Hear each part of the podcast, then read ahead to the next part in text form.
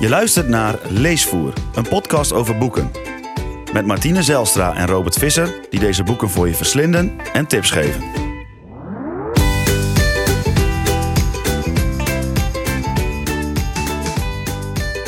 Welkom bij Leesvoer, met deze keer Weetvoer, een samenwerking met Nemo Kennislink, waarbij we interessante non-fictieboeken verorberen en bespreken.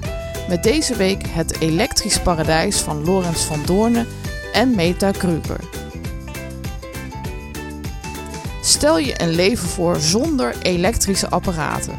Als het donker wordt, steek je de kaarsen aan en je warmt je handen aan de kachel. De kruimels van het eten veeg je op met veger en blik. En je vieze kleren, ja, die was je dan allemaal maar met de hand. Na een hele dag vegen en wringen blaas je de kaarsen uit en in het pikkendonker val je uitgeput in slaap. Van alleen het, het idee al word ik al doodmoe, geloof ik. eh. In dat opzicht is de titel Het Elektrisch Paradijs goed gekozen. Of kies jij liever voor een leven met kaarsen en eh, je handen in het vuile sop, Robert? Nee, absoluut niet. Nee, Ik, toch eh, maar niet? Nee, ik heb echt een hekel aan het eh, huishouden doen. Dus dat. eh, Goh, nee. ja, wie, wie, wie vindt het wel leuk, denk ik dan? Ja, geen idee. Ik, ik niet. maar ik doe, het, ik doe het wel braaf. Maar nee, ik, ik, ik heb beleef geen plezier aan. Maar het, inderdaad, als je dit boek hebt gelezen, dan denk je vooral wat een werk. Ik bedoel, wat een werk nu al, denk ik vaak. Hè, met, met kinderen en werk en Ja, dan nog het huishouden doen. Ehm, maar vroeger had je gewoon een dagtaak aan alles bijhouden. Ja. Eh, de was doen was niet gewoon even de, de was doen, de was erin gooien, opvouwen. eh, Nee, nou, klaar. strijken misschien nog hier en daar. Maar het, gewoon het wassen zelf was een, een hels kwaai. Dat, Ja. eh, dat begon s ochtends vroeg en dat eindigde ergens dan in de middag. ja, ik moet dan altijd denken aan mijn arme opa en oma die een boerderij hadden. En ik ontelbaar veel kinderen. Ik weet niet eens precies hoeveel ooms en tantes ik eerlijk gezegd heb. En die hadden, nou ja, eh, ik, weet niet of ze geen wasmachine hadden, maar ze hadden in ieder geval geen droger. Dus dat moesten ze allemaal met de hand doen. En dan aan zo'n enorme slinger waar je dan een soort, ja, het water uit moest wringen dan. eh, waar je dan eh, aan draaide en dan het water er op die manier uitperste. En als je dat dan een keer, nou ja, ik denk dat ze met twaalf man thuis waren, inclusief een eh, niet al te slimme, snuggere oom die, eh, ja, waar, die ook nog ergens in dat huishouden gevrongen werd. Eh, letterlijk en figuurlijk bijna. En die, ja, dat moesten ze elke dag doen. Ja, Dat, dat dat, was eh, lijkt geen, me echt de hel op aarde. geen leuk klusje. nee, dat zal geen leuk klusje geweest zijn, En dan mopperen ik. wij wel eens over van... hé, hey, er ligt weer wat was om opgevouwen te worden. Ja, ja. Ja, dat, eh, ja je, je kan je er bijna geen voorstelling meer van maken. En wat een, wat een gigantisch verschil is dat. eh, Ja, ja, inderdaad. dat is wel echt. eh, ja, dat, ik, ik, ik, vind, ik vond het echt een goed gekozen titel in dat opzicht. eh, Ja. Dat je dat als je dat, dat dan vergelijkt met de hel op aarde, dan is eh, de ja, al, al die komst van die elektrische apparaten moet wel als een soort paradijs gevonden zijn eh, door de mensen die er gebruik van maakten in die tijd voor het eerst. Maar de hele grap is, wij zijn er meteen van overtuigd. Hè? Dus wij kijken nu terug. Wij hebben een wasmachine, we hebben een stofzuiger, we hebben zelfs een robotstofzuiger. Eh, alhoewel die niet altijd even goed zijn werk doet. Maar goed, we hebben. eh, Ja. Als we even blijven bij die wasmachine.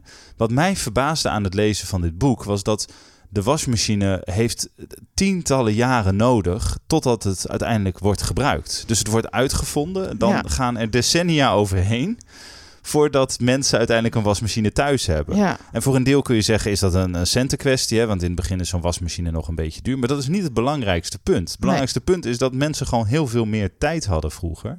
om dat En- te doen eh, met de hand Ja en, ja, en met name de tweede. En arbeid was gewoon ontzettend goedkoop. Dus er Ja. waren gewoon heel erg veel mensen. Ook heel veel mensen om dingen af te stoffen en schoon te maken. En daar zagen heel veel mensen het nut er in het begin niet van. in. Nee, maar dan moet je toch wel ook een behoorlijk goede portemonnee hebben. Want een arm, arme familie zal dat zelf hebben moeten doen. Ja, maar de grap is, als je rijk was, kon je dus weer armere mensen in dienst nemen die het voor je deden. Ja, dus er zit iets heel wel. geks in. En, ehm, Een beetje zij- wrang ergens ook, hè? Ja, nee, ja, ja, beetje, ja. een beetje heel erg. Ja, Maar de, de, de, de verandering komt eh, rond de, volgens mij, Tweede Wereldoorlog. Hè? Dan gaan vrouwen gaan werken. En, Hmm. eh, en dan trekt de economie ook aan. En dan wordt duidelijk van, hé, hey, als, als we in de fabriek gaan werken, verdienen we eigenlijk gewoon meer. Dus als wij gaan werken, verdienen we meer dan als we eh, huishoudelijke hulp worden ergens. Of Ja. als we dan thuis blijven.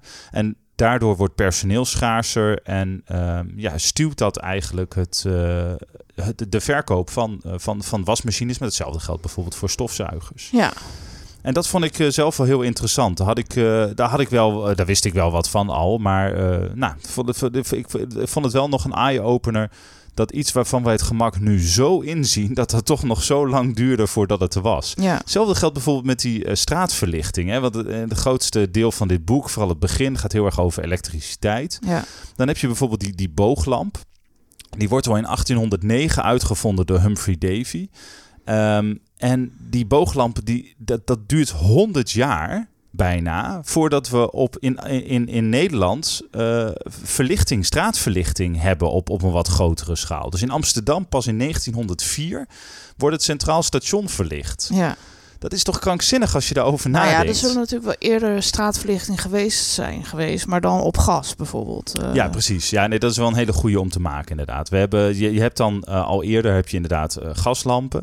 Op sommige steden heb je dat natuurlijk nog steeds. Want een gedeelte van Berlijn heb je nog steeds bepaalde eh, wijken of straten waar er gasverlichting is in plaats van eh, Ja. elektrische straatverlichting. Ja, en het grappige van die, bij, de, bij, de, bij de elektriciteit en bij de lampen speelt weer wat anders. Want die gaslampen voldeden eigenlijk best wel. Mm. Die werkte eigenlijk wel goed. Dus dan is er minder noodzaak om eh, toch voor een, voor een andere type verlichting te, te kiezen. Ja, Maar ook dat duurde dus 100 jaar. Dus, en we hebben nu eigenlijk overal elektrische lampen. Nou ja, die booglamp gebruiken we niet meer en de gloeilamp ook niet meer zo. We hebben nu LED-verlichting. Mm. Maar even los daarvan, dat is dan net even anders. Ehm, maar dat is eigenlijk allemaal familie van elkaar. Maar die Ja. elektriciteit, ja, je zou, wij zijn zo opgegroeid met dat je gewoon buiten eh, lantaarns hebt. Hè? Als je Ja. klein was en de lantaarns gingen aan, moest je naar huis om te gaan eten. ja dat was Het- uh, afsloes met spelen. van, ja, eh, ja, nou ja, maar, maar zo, zo speelt die elektriciteit en, en, en die, die verlichting speelt een hele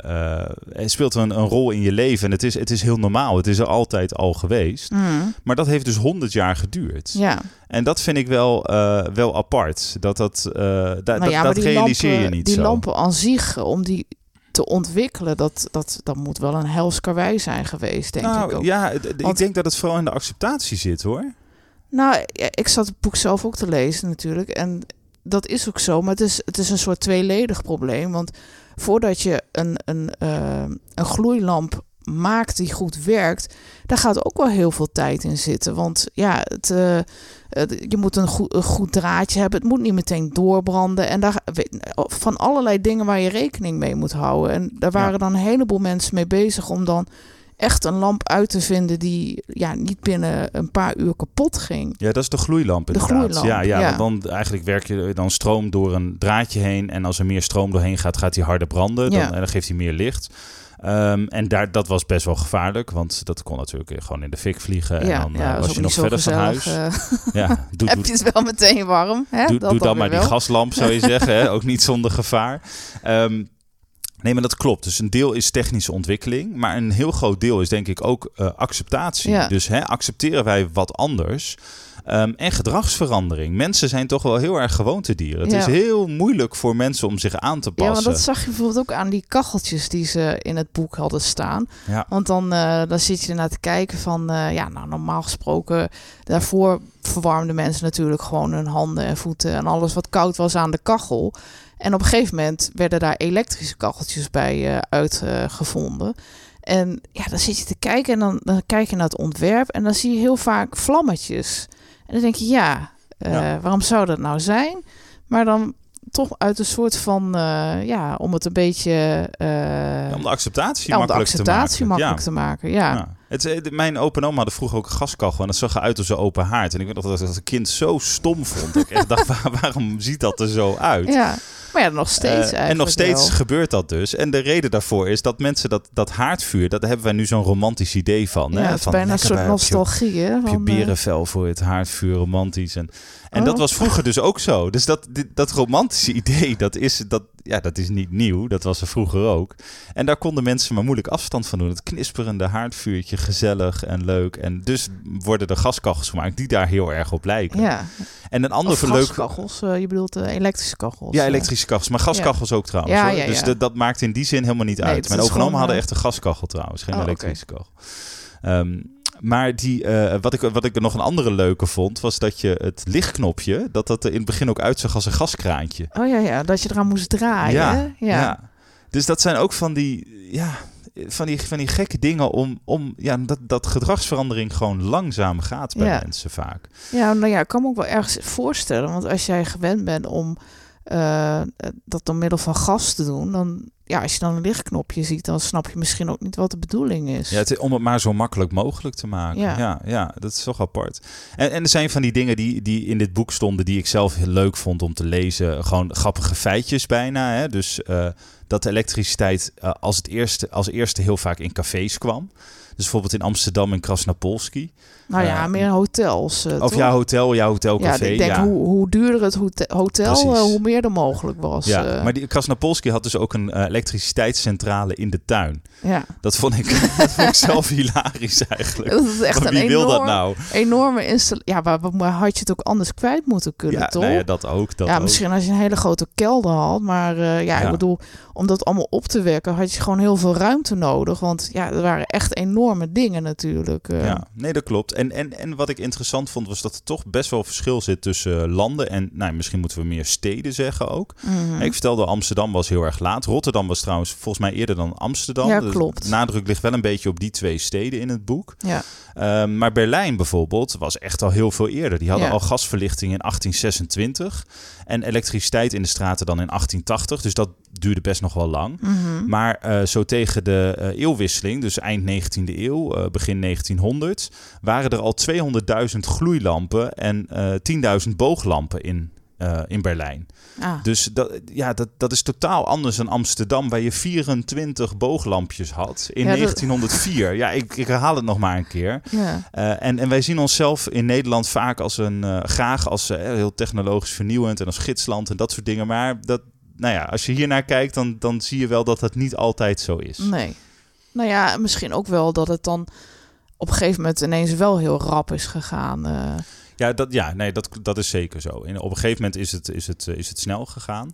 En eh, wat ik interessant vind aan dit boek is dat het eigenlijk eerst schetst van hè, hoe het straatbeeld meer door elektriciteit wordt eh, veranderd. Dat, Mhm. dat, dat, dat, eh, nou, dat, dat het meer zichtbaar wordt, met name door die verlichting. Letterlijk wordt meer zichtbaar.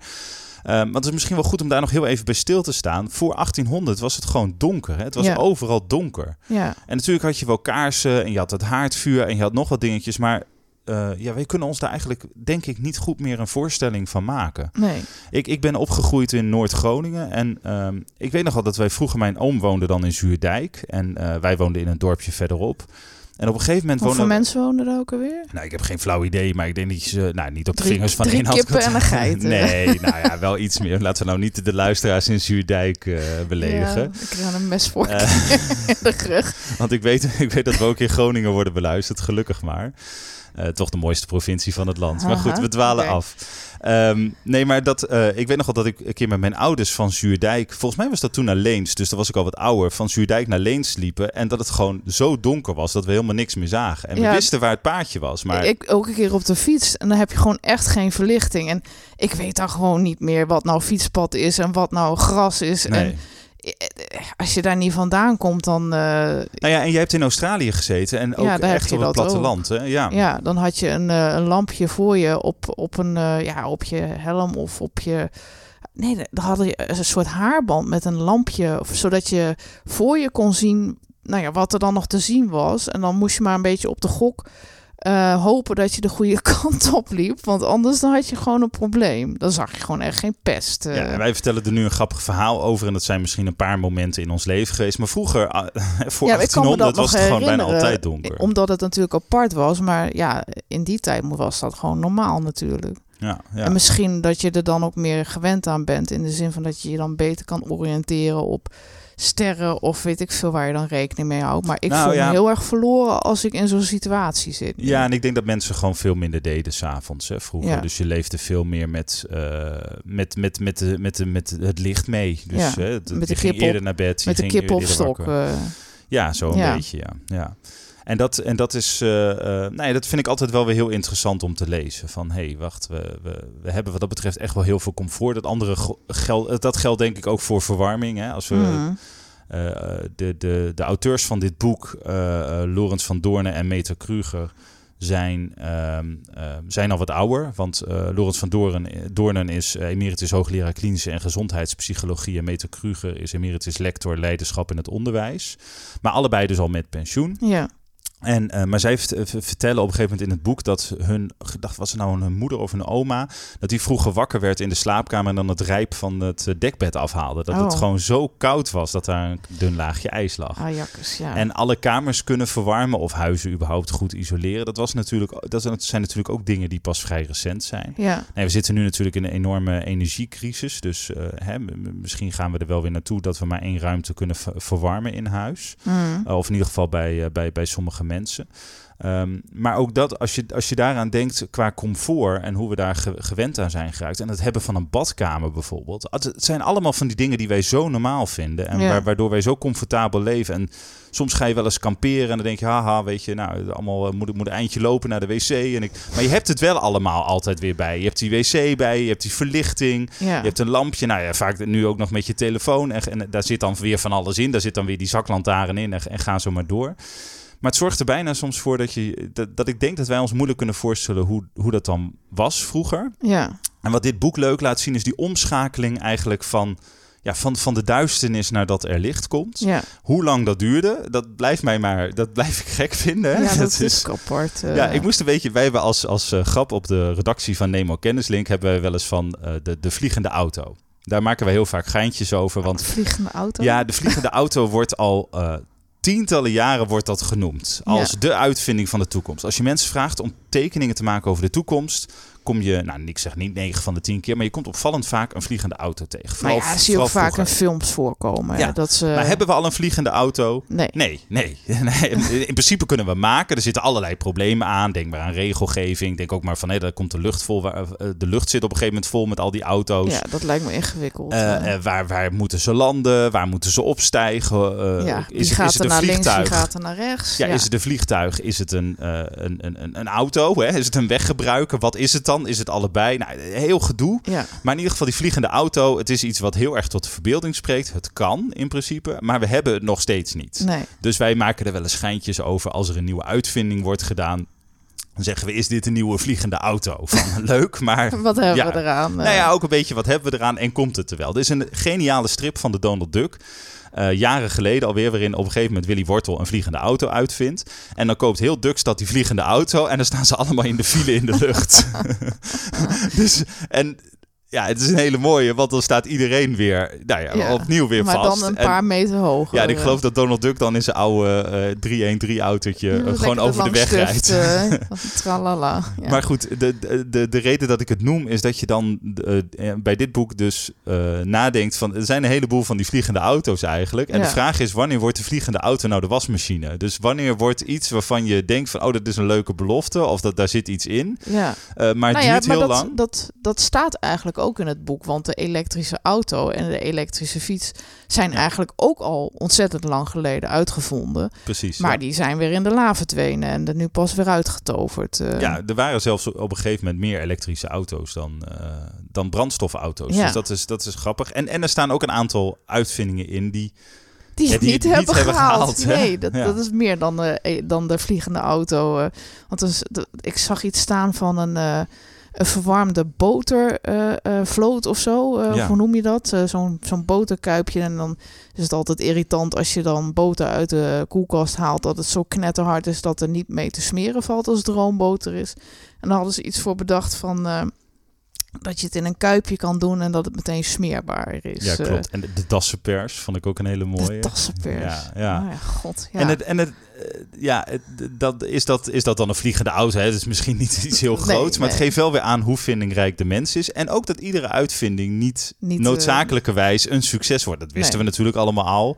En eh, hè, soms gaat het ook heel erg met vallen en opstaan. Eh, kijk maar naar die booglamp. Hè. 1809 wordt die uitgevonden en eh, pas eind van de eeuw eh, wordt, het, eh, wordt, wordt het meer gebruikt. Mhm. Tegenwoordig eh, gebruiken we allemaal de gloeilamp, nou ook al niet meer de ledlamp. Ja. Ehm, maar het is, het, is, het is interessant om daar naar te kijken. En dit, dit boek gaat dan heel erg over, de, eh, over, over het huis. Dus hè, wat, wat, komen jij en ik tegen in het huis? En dat werkt wel volgens mij. Ja, dat staat ja. wel dicht bij de lezer. Ja, en ik denk ook dat zij wel tenminste, ja, ze hebben zoveel eh, voorwerpen zelf ook verzameld. Dat je, er wordt wel heel duidelijk uit het boek dat ze zelf ook enorme liefhebbers zijn Ja. van, eh, van elektrische apparaten en de hele geschiedenis die erachter zit. Ja, en ik Eh, zou zeggen dat is eigenlijk een voordeel en een nadeel. Ja. Het voordeel is, het, het is rijk geïllustreerd, het ziet er prachtig uit, het is heel mooi uitgegeven. ja, en het enthousiasme spat er in Ja. dat opzicht echt vanaf. En ik heb gehoord, ik heb het zelf nog niet gezien, maar ik heb gehoord dat een deel van hun huis ook ingericht is als een soort openluchtmuseum. Of nee, het openluchtmuseum, maar als een eh, museum. Met al die apparaten en zo. En dat, ja, dat, dat, is, dat is mooi, weet je. ja, Ik het bedoel, is charmant. Ja, mensen met een, met een hobby, met heel veel kennis ervan en aanstekelijk enthousiasme hoe ze erover kunnen Ja. vertellen. Dus dat is het voordeel, maar het heeft wat mij betreft ook wel een nadeel. Ja, ja, dat vond ik ook. Eh, ik, ik had bij sommige dingen dat ik me afvroeg van... Maar hoe zit dat nou precies? Eh, eh, zoals, nou ja, dan bespreken ze van elektriciteit is uitgevonden. En, maar dan gaat het wat mij betreft een beetje snel van hoe zijn al die elektrische apparaten nou naar die huizen gekomen? Ehm, daar gaan ze dan wat minder op in. Eh, Ja, ze, ze zoomen heel erg in, in, in, in het begin. Hè? Dus de elektriciteit in de steden en dat komt er. En dan op een gegeven Ja. moment is het in het huis. En Ja, dan denk je, huh? En dan Oh. denk je van, nou, hoe zit dat dan met die aansluitingen? Hoe snel is dat nou gegaan? Want dat, dat is natuurlijk wel een enorme overgang van vrijwel niks, of in ieder geval alleen maar bij rijke families, naar nou ja, hoe het nu is. Ja. Van iedereen heeft een elektriciteitsaansluiting. Ja. En daar zeggen ze niks over, terwijl, eh, of bijna niks. eh, maar ja, dat, Nee, daar had je meer over willen lezen. Naar. Ja, Ja, ja. en dat, datzelfde had ik een beetje met die gedragskant. Omdat veel toch wel in de acceptatie en eh, gedrag van mensen zit. Ehm, ik had daar nog wel meer over willen lezen. Misschien gewoon een, een, een, Ja, interview of met een, met een zo, maar- gedragswetenschapper. Ja. en het zit er allemaal wel in, maar het smaakte eigenlijk naar meer. Dus dat is voor een deel is dat een compliment, want ze maken je enthousiast. En dan denk je, hé, maar nu wil ik ook meer weten. Ehm, dus ja, als we heel eh, opbouwend willen zijn, dan zeggen we tijd voor deel 2. Ja. waarin dat nog meer zit. Nee, maar het, het is zeker een leuk boek. Maar eh, ja, we, we moeten er ook gewoon kritisch naar kijken. En, Ja. en er zijn een aantal dingen die, eh, ja, die, die, die, die, waar ik meer over had willen lezen. Ja, en dat Ja. hadden geen ellenlange hoofdstukken hoeven te zijn wat mij betreft, maar gewoon meer dat je je als lezer afvraagt van, ja, hoe, hoe is dat nou precies in zijn werk gegaan? Want alleen eh, de focus op die elektrische apparaten, het is heel leuk, maar eh, ja, het maakt gewoon nieuwsgierig naar van hoe is dat dan, eh, die implementatie Ja, vooral die hoe-vraag. Want op een gegeven moment zien we ook, hebben, hebben ze, dat had ik wel een beetje. Dan heb je bijvoorbeeld, gaat het over kachels. En dan zie je afbeeldingen van, nou, ik denk wel, wel naar mijn beleving 20 kachels of zo. En dan denk ik op Mhm. een gegeven moment, ja, nu heb ik het wel gezien. Ja, En, dat, en, dat, en eh, eh, dat klinkt een beetje flauw, want bij de eerste vier zit ik dat er nog heel nieuwsgierig te kijken. Want ze maken op een gegeven moment ook een vergelijking tussen Engelse en Franse kachels. ja, Nu wordt het heel niche, maar ik vind dat wel leuk. Dus Ja. ik wil dan wel kijken. Maar dan zie ik echt allemaal kachels uit Frankrijk en daarna allemaal kachels uit Engeland. En dacht ik, ja, dit is, dit is net, te, net te veel. ja, Eh, ehm, dus, dus maak een vergelijking en maak die vergelijking dan iets doorvrochter. Dus dan wil ik daar meer over lezen. Van hoe, waarom is dat nou zo interessant in plaats van alleen maar die plaatjes. Maar dat komt ook omdat ik wel heel erg gek ben op tekst. Dus, en ik wil altijd wel weten hoe zit het dan. Dus ik wil altijd eigenlijk wel meer weten.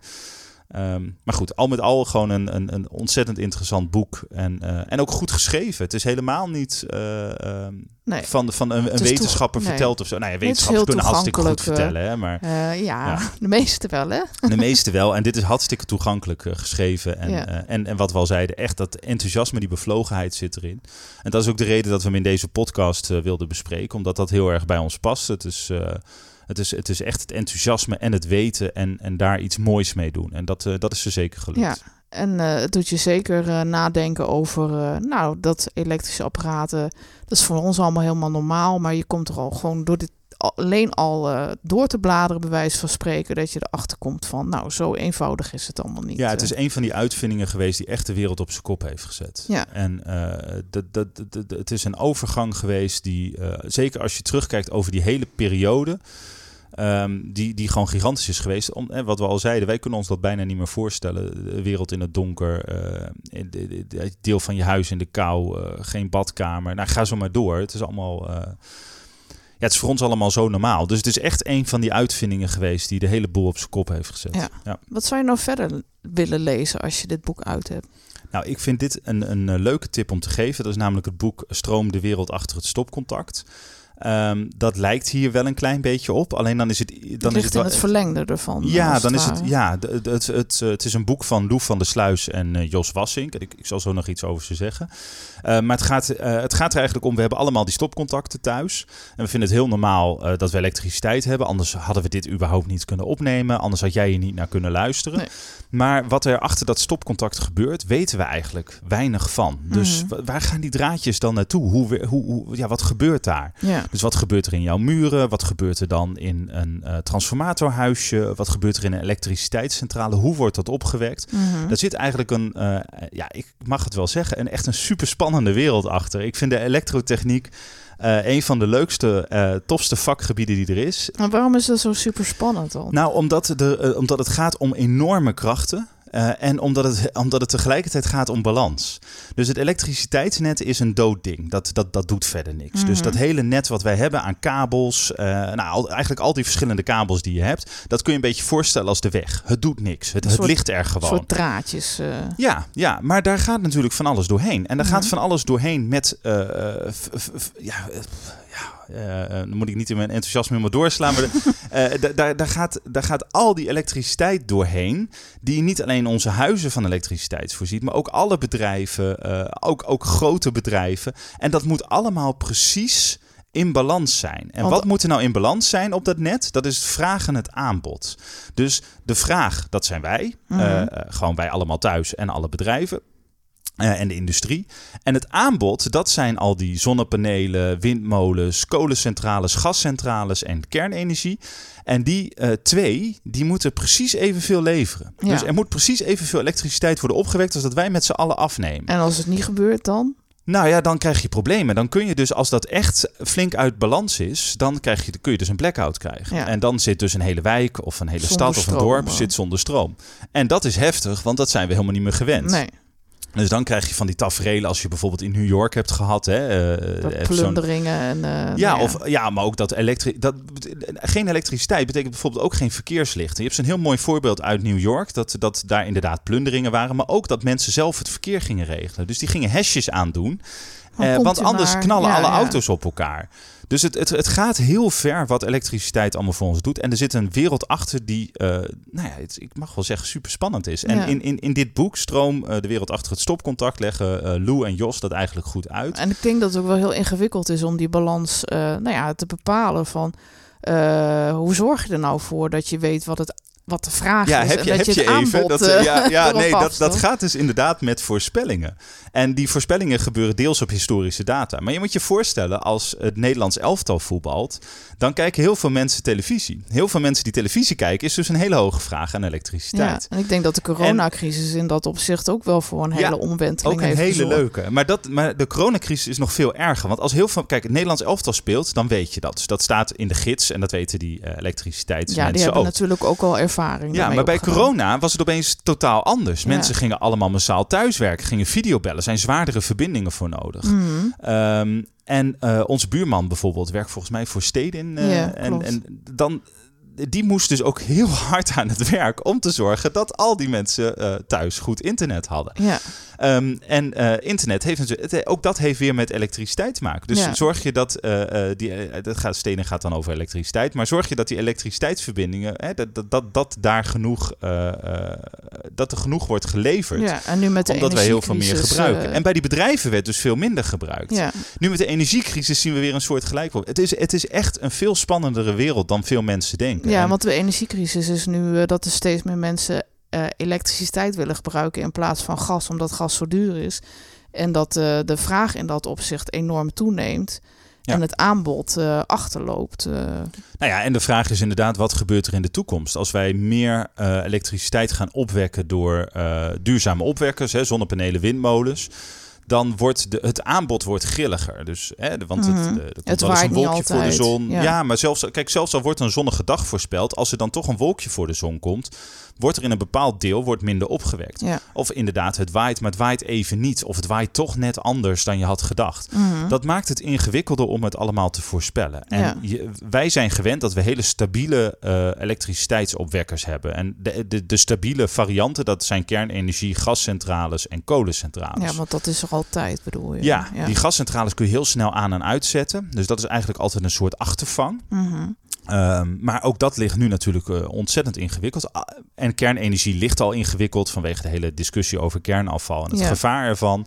Kolencentrales, eh, nou, dat, dat is denk ik wel bekend, hè? ook met, de- met de uitstoot. Hetzelfde Ja. geldt voor gas.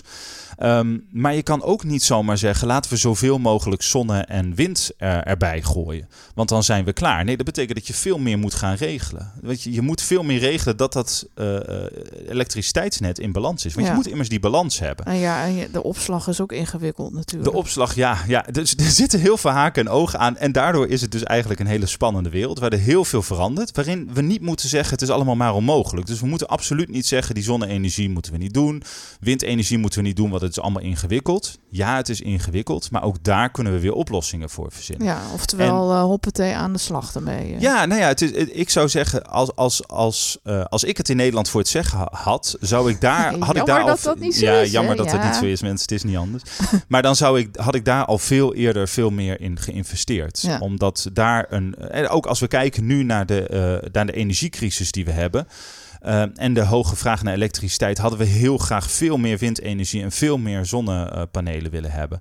Dus, eh, maar had dat, zorgt dat ook voor uitdagingen? Hè? Nou ja, Om maar- maar een verschrikkelijk woord erin te gooien. Zorgt er, dat voor er zijn problemen? natuurlijk al heel veel meer zonnepanelen en windenergie. Maar je moet het natuurlijk ook het net zo ver uitbreiden dat je daar ook gebruik van kan Ja, maken. klopt. En je ziet dan vaak dat, de, de, de, dat eh, zon en wind eh, eh, wat meer aan de rand van het land wordt neergezet. Maar in de rand van het land zijn de elektriciteitskabels weer niet zo. Ja, is ja. de vraag lager en moet je het hierheen brengen. Dus dat zorgt voor verliezen, want je moet het transporteren. Ja, Maar het zorgt er ook voor dat de verbindingen daar vaak niet zo st- sterk zijn. Niet, Nee, zo, nee. niet zo groot. De capaciteit is niet zo groot. ja.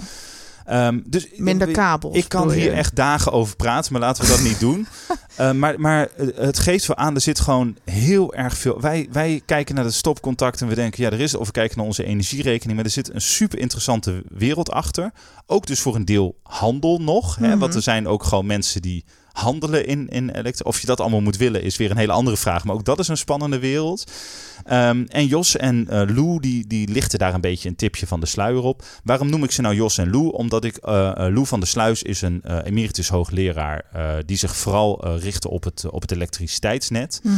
En ehm, ik heb met Lou en met Jos, Jos is net als ik een wetenschapsjournalist, Jos Wassink. En eh, samen met hen heb ik twee, oh, drie, drie boeken geschreven over het elektriciteitsnet, over smart grids bijvoorbeeld en Mhm. over gelijkstroom. Ehm, en dat was ontzettend leuk. Het zijn hele, vooral, eh, het zijn hele enthousiaste eh, mensen, net als ik, die heel graag iets willen vertellen over die wereld en hoe dat in elkaar zit. En Lou is, is een van die eh, geweldige, bevlogen hoogleraren. Nou, hij is inmiddels met pensioen. Eh, maar hoogleraar die, die zoveel kennis hebben en dat ook zo graag willen delen. Mhm. En eh, ik heb fantastische dagen. Ik heb hem nu al een hele tijd niet meer gesproken. Maar ik heb echt fantastische dagen met hem alleen maar zitten, zitten kletsen over het elektriciteitsnet. en hoe dat in elkaar zit. En eh, ja, dat, ik, mijn hart gaat daar echt sneller van kloppen. Ja. Ja, het is jammer dat jullie zijn glimmende oogjes niet kunnen zien, maar ik zit er tegenover en zodra er over elektriciteit gaat, dan is het ook alsof Robert's ogen aan gaan staan. eh. Ja, dus eh, lees, de, lees de boeken van, eh, van Lou, zou ik zeggen. En in en dit boek heb ik niet meegewerkt, Stroom de wereld achter het stopcontact. Wel een ander boek dus over, over smart grids, wat ook leuk is, maar minder voor een algemeen. Ja, dus als je meer wil weten over de wereld achter het stopcontact, lees dan vooral ook dit boek. En daarmee sluiten we leesvoer en weetvoer af. Tot de volgende keer. Mooi.